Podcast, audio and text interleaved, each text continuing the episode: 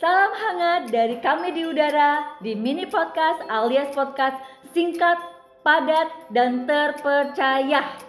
Yes, Roger Roger di kopi bersama kami kembali di podcast Cerita Kata. Saya dari hashtag Winnie Jernih dan hashtag Aku Buat Kamu Podcast. Saya dari hashtag Kerja Hati di podcast tentang cerita kata untuk menggali arti kata, makna kata, dan cerita selanjutnya. Usulan kata yang mau dibahas hari ini kata apa ya? Nah ini ada salah satu kata yang harus dimengerti. Oh, apa tuh? Kata itu adalah kata mengerti. Mengerti? Oh, mengerti, mengerti. Cerita kata hari ini mengerti. Jadi, apa itu kata mengerti? Kata mengerti untuk menggali ini bisa panjang. Tapi versi singkatnya aja yang kita mau kupas pakai bahasa Inggris, ini kupasnya seperti kupas bawang sambil nangis-nangis. Wah, boleh, boleh, boleh. Tapi jangan sampai nangis ya. Kita kupas yuk si kata mengerti ini. Silahkan bagaimana ceritanya tuh hashtag kerja hati. Kata mengerti dalam bahasa Inggris itu understand. Kalau ini dipecah menjadi dua kata yaitu under dan to stand yang bisa diartikan to stand under yang dalam bahasa Indonesianya itu berdiri di bawah dan ini bukan arti harafiah kalau saya rasa-rasa to stand under itu bisa diartikan punya kualitas untuk merendahkan hati. Wah, cara pandang menarik dalam mengupas kata. Saya jadi ingat ada kutipan bagus tentang rendah hati.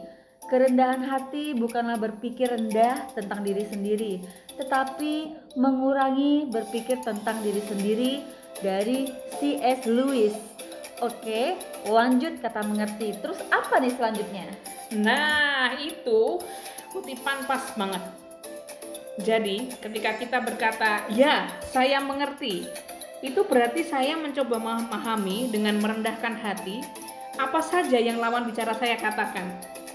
Kualitas orang yang pengertian itu mirip dengan orang yang rendah hati, yaitu saya mau belajar secara terus-menerus, mau meminta masukan dan rela diajar oleh orang lain. Jika ada kesalahan, saya menjadikan kesalahan-kesalahan itu sebagai kesempatan untuk belajar dan bertumbuh. Wah, saya setuju dan saya tambahkan ya, orang yang mengerti atau mau mengerti itu juga pasti tidak egois.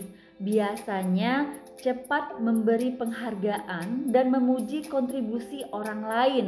Lebih dari itu, pasti mau mengakui kesalahan dan tidak menyalahkan orang lain atau faktor lain untuk melindungi dirinya. Jadi, berusaha mengerti dulu ya, baru dimengerti, alias kita saling memahami. Oke, dan untuk sahabat hashtag Winnie Journey dan hashtag aku buat kamu podcast dan sahabat hashtag kerja hati, biasanya lebih senang untuk dimengerti atau menjadi pribadi yang mau mengerti. Enak juga ya kalau semua orang mau mengerti. Alright, until we see you again ya. Tunggu kami di episode selanjutnya dan jadilah diri kalian yang terbaik.